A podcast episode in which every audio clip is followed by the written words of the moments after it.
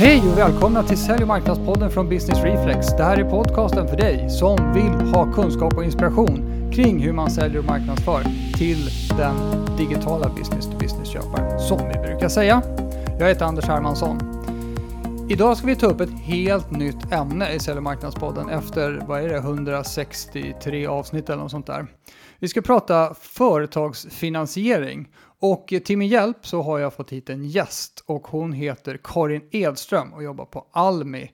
Hon kommer att svara på mina fantastiska frågor kring det här med företagsfinansiering. Vi kommer gå igenom hur det ser ut från investeringssidan och även lite grann om vad det är för fallgropar man ska tänka på att inte hamna i som bolagsägare när man tar in extern kapital. Så nu kör vi! Över till intervjun med Karin Edström. Karin Edström, välkommen till Sälj och marknadspodden. Tack så mycket. Och jag brukar säga så här varje gång vi har gäster här. Vad härligt att du kunde ta dig tid att komma hit. Tack. Det härligt. är superkul. Ja, roligt. Du, vi ska ju prata om ett ämne som vi faktiskt inte har berört det minsta i våra tidigare 164 avsnitt av Sälj och marknadspodden. Så, så här får alla spetsa öronen. Vi ska prata om företagsfinansiering. Det är verkligen på tiden. Ja, eller hur? Mm. Och då kan man undra varför har vi dig här och prata om det? Vem är du, Karin? Ja, eh, jag jobbar som investment manager som det så tjusigt heter på Almi Invest som är ett eh, företag som gör riskkapitalinvesteringar med statliga pengar. Eh, och vi finns till för att lite grann komplettera det privata riskkapitalet och har funnits i precis tio år, för vi firade tioårsjubileum förra veckan. Jaha, gratulerar. Tackar, tackar. Och hur kommer det sig att du fick det här fantastiska jobbet då? Ja, det kan man ju undra. Eh, jag, eh, jag har en lite annorlunda bakgrund än ganska många av mina kollegor, för jag har eh, tills, tills för ett år sedan då när jag började på Alminvest så har jag jobbat operativt i olika typer av roller. Senaste åren som vd på ett tekniskt startup, innan dess vd på ett ganska tekniskt tekniskt konsultbolag här i Stockholm. Eh, och innan dess i sälj och marknadsledande roller på affärs-IT-bolag kan man väl säga mm. på olika sätt. Så jag är van med att jobba med affärskritisk IT mot eh, företag och är ganska tekniskt kompetent men har framförallt eh, förmågan att se kommersialiseringsmöjligheten och brygga över till det. Och jag tror att det behövs, den kompetensen behövs väldigt mycket.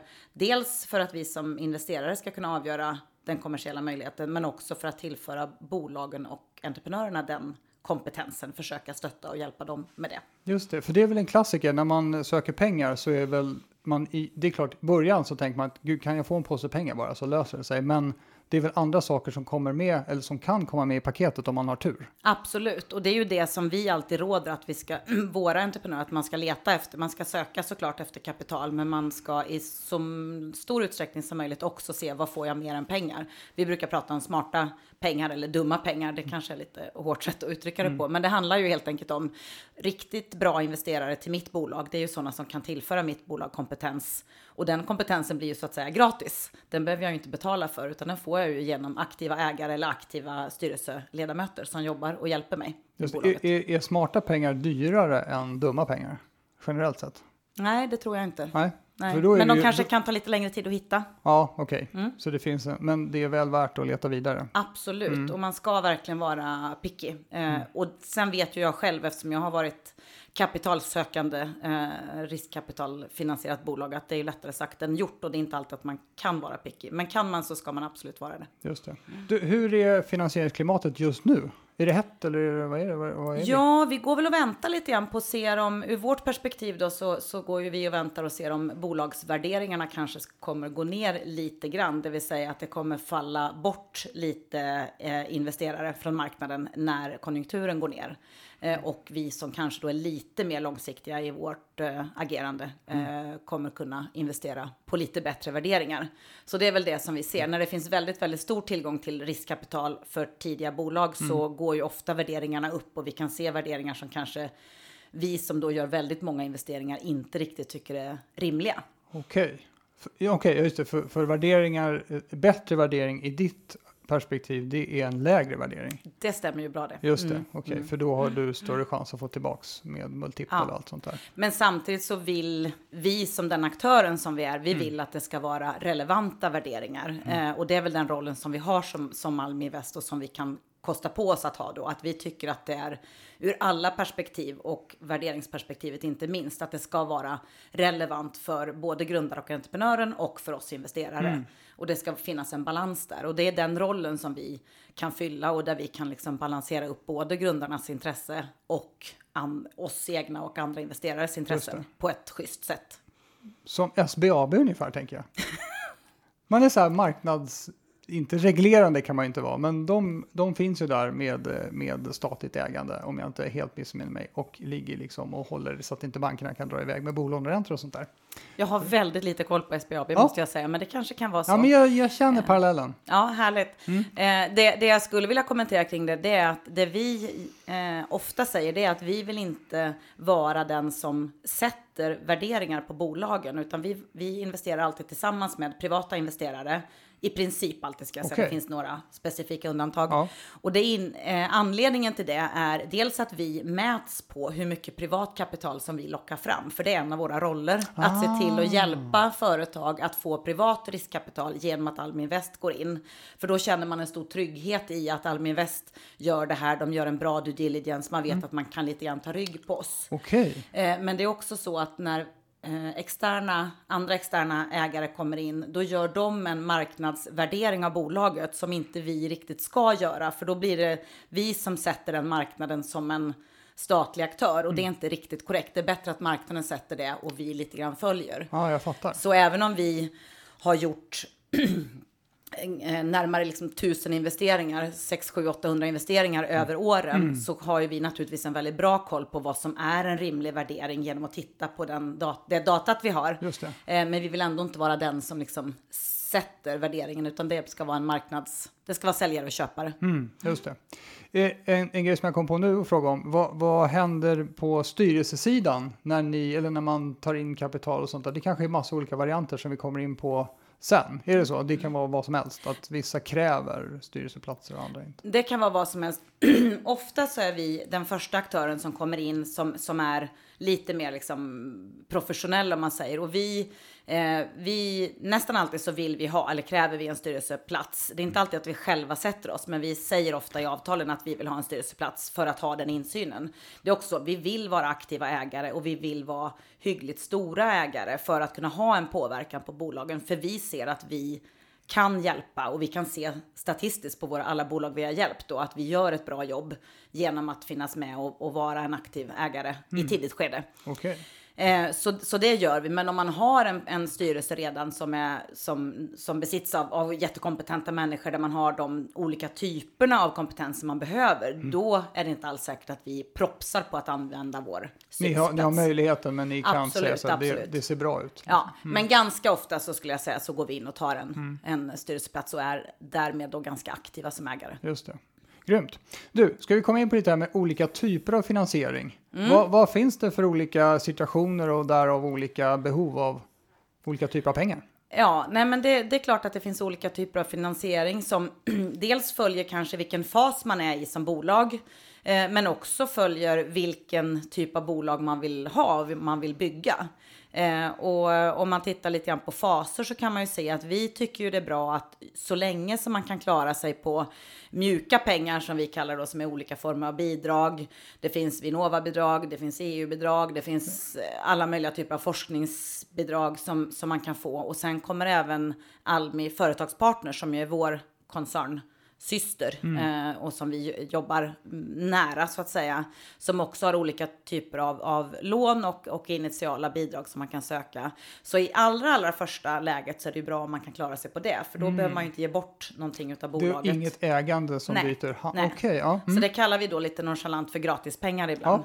Ja. eh, så det är ju jätte, jättebra. Kan man använda det för att, för att bygga en första prototyp eller ta sig till en första läge så har man ju kommit väldigt eh, långt då. Okej. Okay. Ja. Eh, sen, sen finns det ju eh, eh, som sagt Almi Företagspartner som har olika typer av tillväxtlån, eh, innovationslån som man kan också få i tidiga skeden mm. Eh, för att ta sig till ett, ett eh, steg när man ska börja kommersialisera. Så ofta så kan vi se att våra bolag har fått den typen av stöd, alltså annat statligt stöd, lite mjuka pengar innan vi kommer in. men när man sen då ska in och börja ja, men börja bygga bolag, börja sälja lite större skala, då behövs det ofta lite mer kapital. Okej. Och där kan ju då eh, Alminvest tillsammans ofta med företagsänglar komma in Mm. som seed, pre-seed finansiering brukar man då kalla det. Och sen så den typen av aktörer som vi är hänger ju med då ett litet tag och sen så brukar det då vara de lite större aktörerna som gör större investeringar som kommer in när man pratar om A-runder som det kallas då. Okej. Men sen finns det ju helt andra typer av verksamheter där ju inte riskkapital är rätt sätt att finansiera bolaget. Vi är ett konsultbolag ja, till exempel. Ja, det vore ju... Det skulle kännas konstigt. Märkligt, in, precis. Om vi skulle få 10 miljoner, vi skulle inte ha en aning om vad vi skulle göra med dem. Åka på en jätte, Ja, jättelång konferensresa till, eh, Till Malta till kanske. Malta. Ja. Eh, nej, men, men det är ju så. Och, och det finns ju andra typer av, av eh, företag som, som kanske får sina ordrar ganska tidigt och säk, har säkrade ordrar men som behöver finansiering för att kunna leverera redan tagna och signade ordrar. ja. De kan ju söka en annan typ av finansiering där man egentligen belånar de kundordrarna. Ja. Eh, och det finns det Är det banker eller? Ja, och jag tror det finns ja, Exportkreditnämnden Aha, eh, okej. och lite sådana som kan liksom hjälpa till med den typen av, av eh, lånefinansiering som ju redan egentligen har en säker Just ja, det, det är eh, bara vi väntar lite. den kommer bara lite Ja, längre bort. Så då är det ju mer en likviditetsfråga det handlar Ja, om. just det. Så riskkapital är ju just när det fortfarande finns en ganska mycket risk Mm. kvar i bolaget. Eh, Men sen måste man ju också vara lite i synk att det är att växa bolaget som man vill. Vill Mm. man att bolaget ska växa med, vad vet jag, 50-100% per år liksom under ett antal år för man vill verkligen att det här ska bli någonting. Det är ju inte alls säkert att man vill. Man kanske vill ha ett lifestyle-bolag, omsätta ett par miljoner och kunna leva på det till man går i pension. Det. Och det kan ju vara hur fina bolag som helst. Ja, verkligen. Mm. Ibland kan man få lite så här att det är många som har tillväxtstress. För man läser om det här snabbväxarna och man tittar på Alibaba gick på börsen. Ja, nej men absolut. Nej, jag tycker man ska, man ska verkligen eh, se till, till, eh, ja, men till olikheter och vad man verkligen Ja. vill i hjärtat. För det handlar ju, det blir ju en helt annan resa man ska ut och göra om man tar in riskkapital och riskkapitalister i Just sitt det, bolag och precis. plötsligt ska svara till fler än bara sig själv. Ja. Så då ska man ju tycka att det är roligt och att det är lustfyllt. Just det. Mm, så det inte blir en lång plågsam resa bara. Eller hur? Eh, Okej, så lite olika typer av finansiering där. Ehm, vad, vad, är det för, vad är normalt för eh, man säger, kravbild som kommer från riskkapitalister så som ni själva och andra med privata aktörer? Vad är man, vad är man, liksom, vad är man ute efter från en...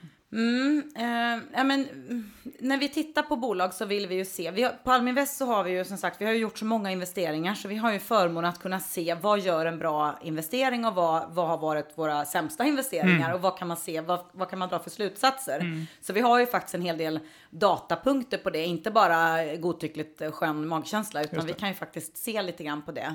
Eh, men det vi ser till exempel då, det är att, att eh, vi vill gärna se en väldigt skalbar affärsmodell. Det vill säga för att det ska kunna växa eh, och kanske tio gånger värderingen så behöver det vara en, en affärsmodell som kan skala bra. Mm. Och det är ju i sin tur då ofta mjukvarubaserat, i alla fall till en viss del. Ja.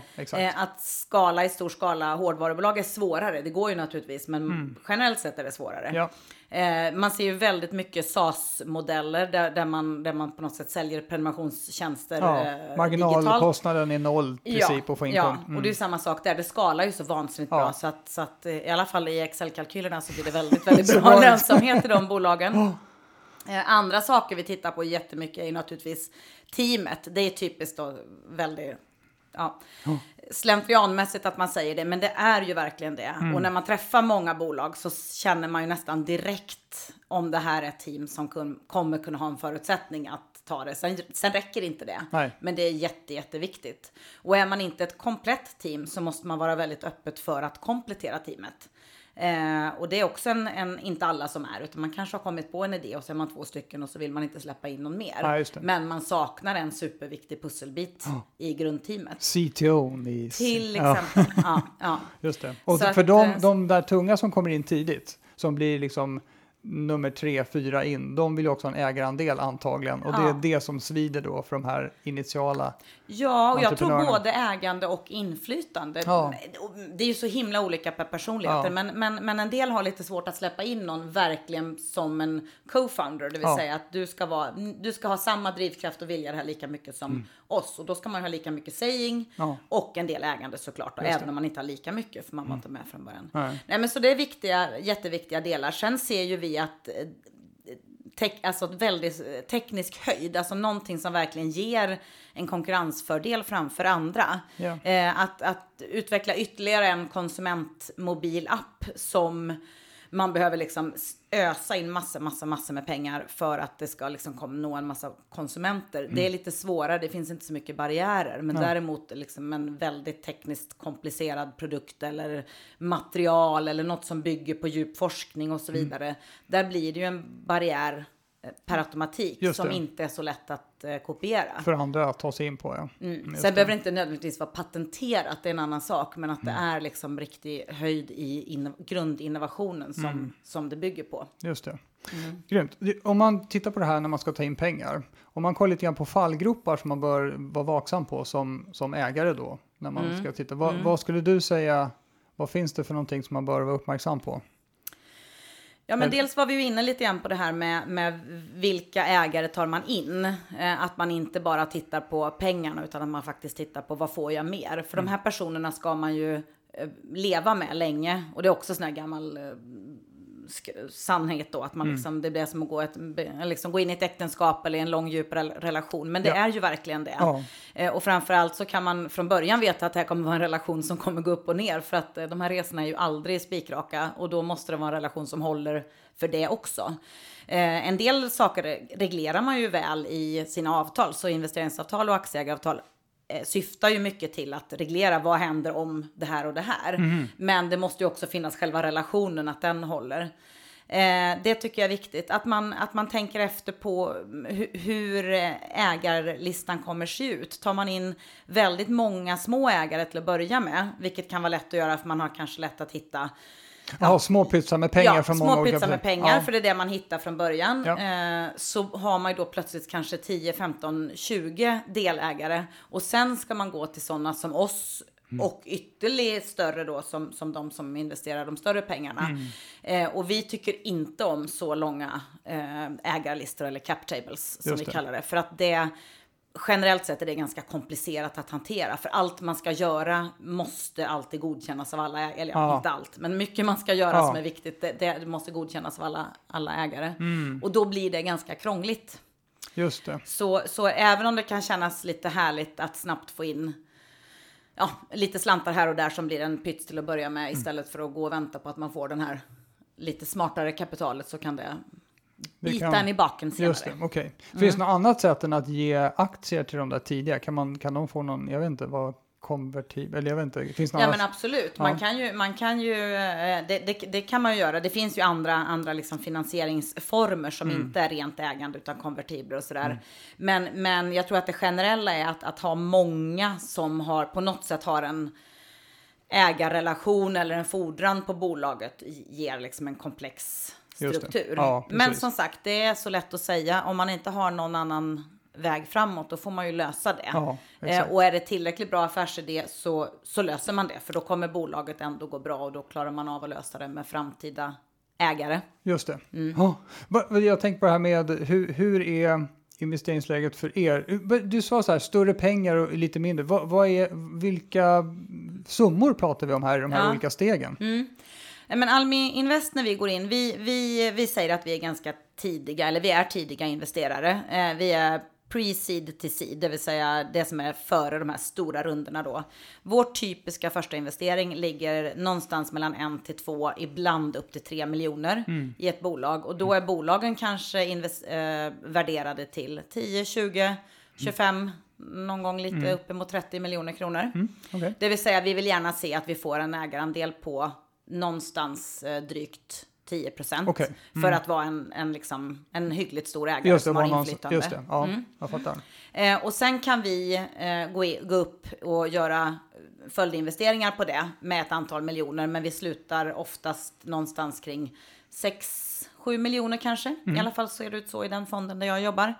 Eh, och, eh, och sen så brukar det då vara andra aktörer som eh, Norson, Creandum, SEB Ventures och så vidare som kommer in och, och Industrifonden till exempel som kommer in och gör investeringar som börjar på 10 miljoner och Aha. uppåt kanske. Och då, är det, då pratar man mer om A-runder som, Okej. Mm. som är liksom lite större slantar. Intressant, för nu kommer vi in på A-runder och såna här grejer och sidor. Så vi, om vi, skulle vi kolla på en, en startup-historia här, Mm. från start till, inte graven då, utan himlen. Mm. Va, vad är det för olika faser som man går igenom och vad heter de och vad, vad är signifikant för de där? Ja, nej men de första faserna som till och med då innan vi vill gå in, då, då handlar det ju mycket om att verifiera att det finns ett marknadsbehov. Okej. Och det är ju förvånansvärt många som inte har gjort. Nej, nej, man är ju, det räcker med att har man världens själv bästa, är man har ju världens bästa produkt. Det, Liksom. Ja. Bara folk fattar det här. Ja, det är synd att de är idioter allihop, för ingen fattar det. Ja, Ja, det är nej, men precis, problem. precis så, så är det ju då, om man raljerar lite grann. Så att, att man faktiskt har undersökt ett marknadsbehov, det vill säga att det finns ett behov av, av någon form av lösning. Men sen vill man ju också att man verif- verifierar att vår lösning, eller sättet som vi tänker att man löser det här behovet på, att det passar Mm. de här kunderna och att man på något sätt är beredd att betala för det. Och det är ju inte riktigt samma sak, för att det finns ett behov behöver ju inte betyda att man är intresserad av vår produkt. Nej. För den kan ju lösa problemet på fel sätt. Just det. Eller vara för dyr, eller vara för krånglig. Ja, eller för ja, precis. Men det, Ja. det är för jobbigt att, att lösa det där. Vi, Ja. det, vi, vi lever med vår Vi smärta, lever med tack. problemet kan det också vara, absolut. Ja. Nej, men så, det, så där någonstans. Så de, de utmaningarna vill vi gärna se att man har kommit förbi och även att man har Många av våra bolag är ju väldigt tekniska och då vill vi gärna se att den grundtekniska risken, brukar jag kalla det för, Mm. eh, är passerad. Det vill säga att man, grundtekniken fungerar. Okej. Och det här är ju så olika. Pratar vi om ett AI-bolag, ett robotbolag, ett eh, appbolag så är det ju helt olika typer av, av tekniska risker Mm. där en, en, ett appbolag har kanske inte särskilt mycket teknisk Nej. risk nu för tiden. Men, men sådär, så att, så att det beror ju på. Men, men, men den vill man gärna ha undanröjd. Mm. Sen eh, tycker jag och vi att lite sammansatt teknisk risk är okej att det finns kvar. Det vill säga vi har inte riktigt satt ihop hela den här komplexa produkten och Ja, det. levererat den till 100 kunder ännu. Men vi tror, för att det verkar som att grunderna funkar så det Någon borde funka prototyp, ihop. Proof of concept. Har Så med lite, någonstans. ett par rullar silvertejp så har det liksom Så löst funkar sig. det, Ja. precis. precis. Så lite silvertejp kan finnas kvar. Ja. Eh, och, då, och då handlar det ju mer om att, att verifiera själva slutpro, liksom slutprodukten och då är det ju just proof of concept och där kan vi absolut gå in och ta, vara med och ta den, den risken. Och sen handlar det ju om eh, risken att klara av att få ut det till marknaden och det är den som oftast är störst, den är svårast att förutsäga. Hur ska vi ta det här till marknaden? Eh, och då träffar vi ju bolag hela tiden som säger om vi bara kan ta en halv procent av världsmarknaden inom det här superspecifika segmentet Mm. Just så det. kommer vi bli multimiljonärer Ja. och vi också. Ja, ja. Eh, och så enkelt är det ju inte, utan Nej, det är liksom exakt hur ska vi vinna de här kunderna? Vad ska vi använda för metoder att gå till marknaden? Är det digitalt? Är det traditionell business to business försäljning? Ska man lyfta luren och åka ut med en, eh, med en eh, påse med bullar? Eh, liksom, tar det sex månader att sälja eller tar det ja, två sekunder över webben? Vad är det för säljmetoder vi tror och Ja. vad kostar det? För någonstans så måste vi ju komma på vad har vi för customer acquisition cost? Det. Och det är ju typiskt då SAS-världen som man börjar prata om då. Ja. Och det finns det andra som är bättre än vad jag är på. Men, men, men det man kan prata generellt om och som ju gäller även om man inte är SAS-världen, det är ju att förstå hur mycket möda och svett och tårar och pengar är det för att skaffa oss en ny kund. Hur länge kommer vi ha den här kunden och vad kommer den här kunden omsätta under den tiden? Mm. Just det. För då blir det ju på något sätt lätt att räkna på om vi stoppar in så här mycket pengar så kan vi få så här många kunder som omsätter så här mycket. Så då, då vet vi ju att vi plötsligt har ett maskineri. Mm. Och om det blir ett plus, plus netto, då är ju det fortfarande en hygglig affär. Mm. Och det är ju därför man då är SAS-bolag. Och då kommer vi till eh, A-rundorna. För när man har kommit på det, Mm. Ja. när man har den hela den beräkningen klar, då kan man ju så att säga ösa in pengar, för då vet man hur mycket pengar som kommer ut Just i det. andra änden. Ja, hur ser ekvationen ut? Ja. Ja, och då kan man börja med den riktiga scale-upen och, och, och skalningen. Okej, Eh, och det är det man använder A-pengar till, att skala upp. Ja, därifrån och framåt.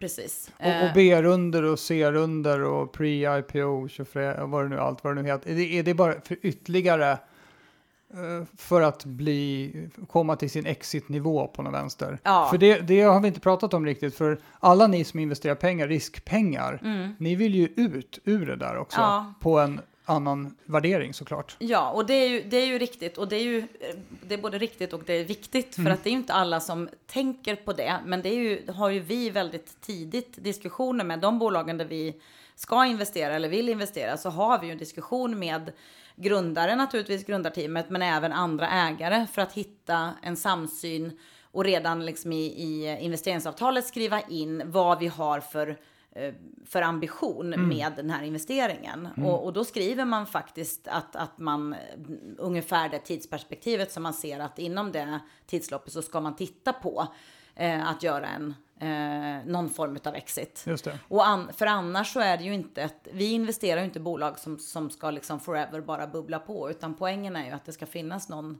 potentiell tagare. Sen finns det ju många olika former av exit. Man kan ju göra en, en börsintroduktion, man kan bli eh, återköpt av ägarna eh, eh, och sälja tillbaka hela bolaget till ägarna. Och man kan hitta industriella tagare av olika slag som, som ser att det här är en bra pusselbit i ett ekosystem till exempel. Mm. Så ser vi ju många teknikbolag Mm. eh, bli. Att de stora drakarna som Amazon och Google och de här Microsoft. Köper upp, liksom. Ja, och de hittar, då hittar de, de, de bygger ju stora portföljer och så behöver de hitta små komponenter som löser olika Mm. saker och så bygger de ihop det. Just det. Eh, och, och det kan ju gå, gå ganska fort, ibland mycket, mycket fortare än vad vi har en aning om. Ja, just det. Eh, ja, så. att de tar dem tidigare än vad man har trott. Ja, ja. Och det, det är väl lite rubriker, jag tänker bara, i, man läser då och då om att det, det är ganska stora summor Mm. som de här gigantbolagen är beredda att betala för en teknisk Mm. superlösning. Liksom.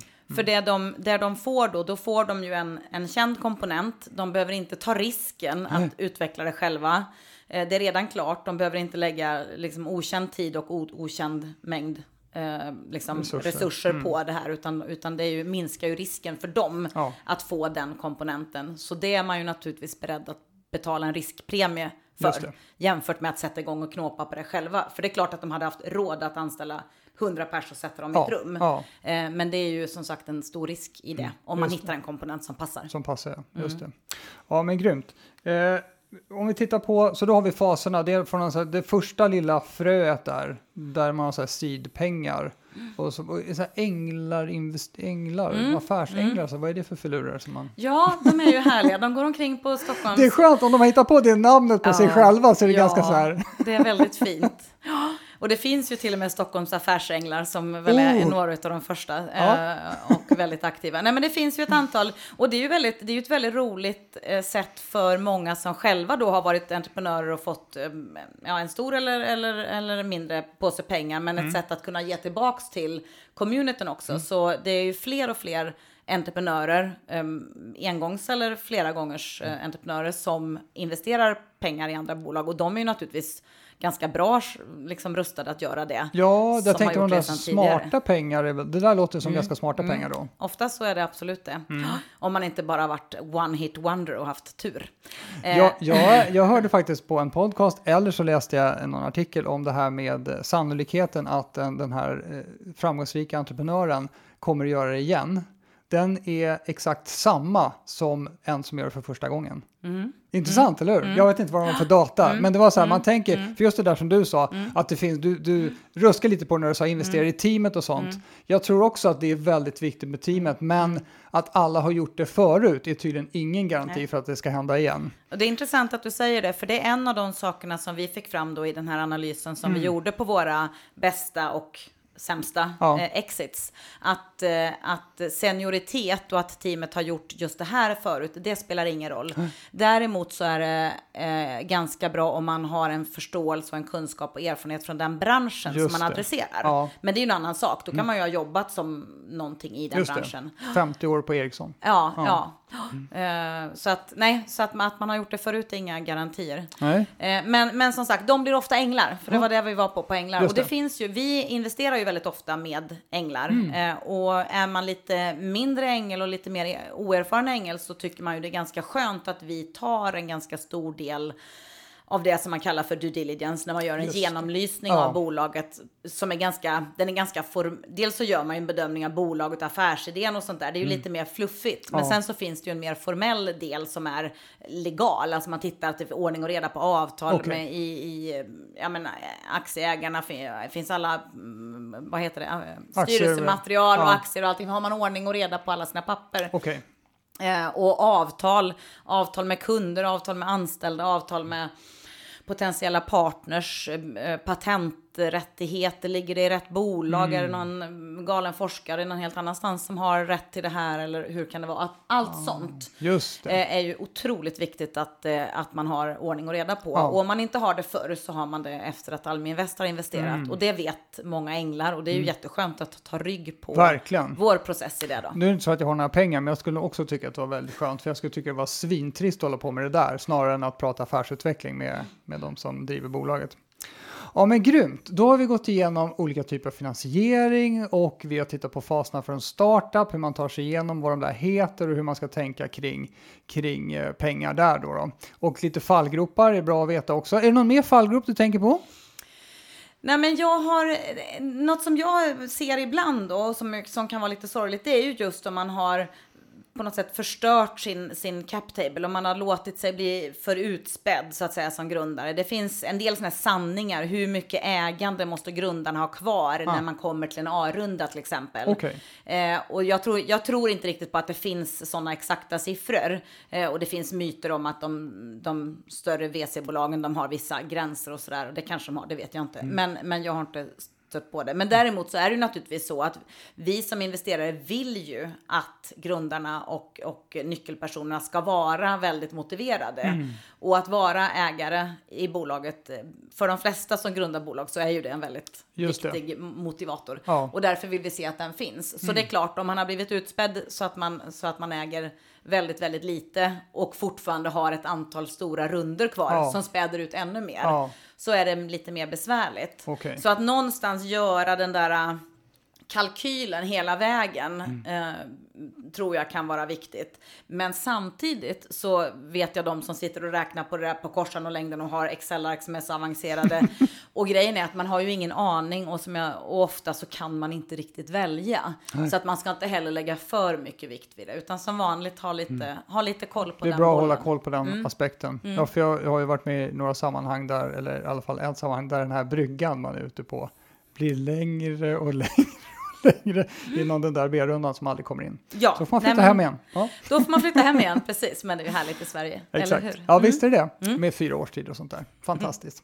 Du, eh, då tänker jag så här, vi ska försöka avrunda det här och Mm. komma med några konkreta tips till de som eh, kanske går och funderar på om de skulle trycka gasen i botten och växa sitt bolag. Mm. Vad är det man ska tänka på nu då? Liksom konkret, vad ska man börja med? Nej, men först så tycker jag att man ska fundera på vad, vad skulle man göra om man hade en påse pengar, om man nu säger 2 miljoner eller 3 miljoner eller 5 miljoner, vad skulle det gå till? För att bara ta in pengar i sig, det kommer ju inte generera en tillväxt, utan man måste ju vara ganska tydlig med vad de ska gå till. Och det bör man ju då göra i den kretsen som är ägare idag. Så är man tre delägare så skulle man ju då behöva kalla till ett litet eh, ägarmöte. Ja, och, och låsa, låsa in sig i ett rum och, och faktiskt prata om vad vill vi med det här bolaget på fem eller tio års sikt. Någonstans där, fem, fem, fem, sex, sju år kanske. Vad skulle vi vilja, vart skulle vi vilja vara om fem, sex, sju år?